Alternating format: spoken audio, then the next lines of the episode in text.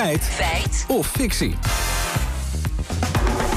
Vandaag de vierde dag van de demonstraties in Den Haag, in Den Haag van Extinction Rebellion, Lieke. Ja, en die blokkades van de A12 die leiden tot grote irritatie bij sommige reizigers. Zoals deze automobilist. Die komt vast te staan en is een woede een journalist van Omroep West slaat. Politie moet vervolgens ingrijpen. Gaat niet gebeuren. Gaat niet gebeuren. Gaat niet gebeuren. Hey. Ja, niet heel gezellig daar. Burgemeester Jan van Zanen van Den Haag waarschuwt dan ook dat de demonstraties ontwrichtend werken voor zijn stad en specifiek ook voor de verkeerssituatie in Den Haag. Dus wij zijn gaan uitzoeken of die protesten inderdaad tot, en dat is belangrijk hè, als, als woord, ontwrichtende verkeersproblemen leiden. Inderdaad, we belden allereerst met de ANWB, want hoe belangrijk is die A12 voor Den Haag? We horen Arnoud Broekhuis van de ANWB Verkeersinformatie. De Utrechtse baan, het verlengde van de A12, is natuurlijk een hele belangrijke route voor Den Haag, voor inkomend verkeer.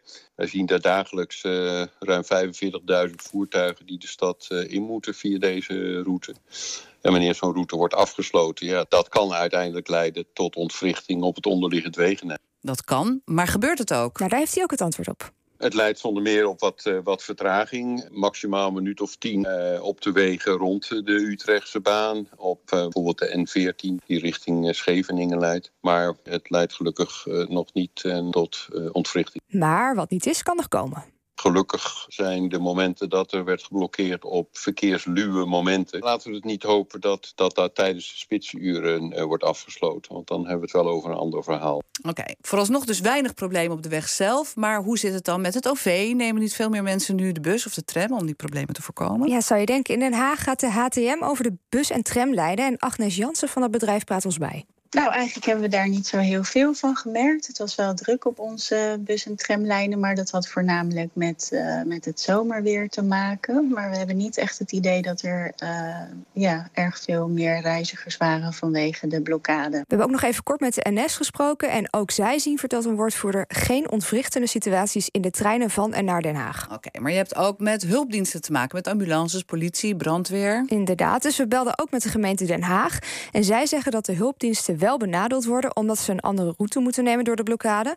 Toch hebben die alternatieve routes gelukkig nog geen effect op de aanrijdtijden. Oké, okay, in feite loopt het verkeer dus best soepel door in de hoofdstad. Precies, en dat verbaast verkeerspsycholoog Gerard Tertolen niet.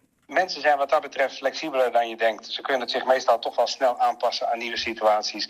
Als er bijvoorbeeld een weeralarm afgaat of er zijn grote werkzaamheden. Als mensen het van tevoren weten, dan kunnen ze zich daarop aanpassen en gaan ze alternatieven zoeken. Oké, okay, tijd voor de conclusie. Jan van Zanen, VVD-burgemeester in Den Haag, die zegt de protesten van Extinction Rebellion die werken ontwrichtend voor het verkeer in de stad. Is dat feit of fictie? Ja, er is hier en daar onvrede bij individuele automobilisten, maar de vertraging is gemiddeld genomen niet meer dan 10 minuten.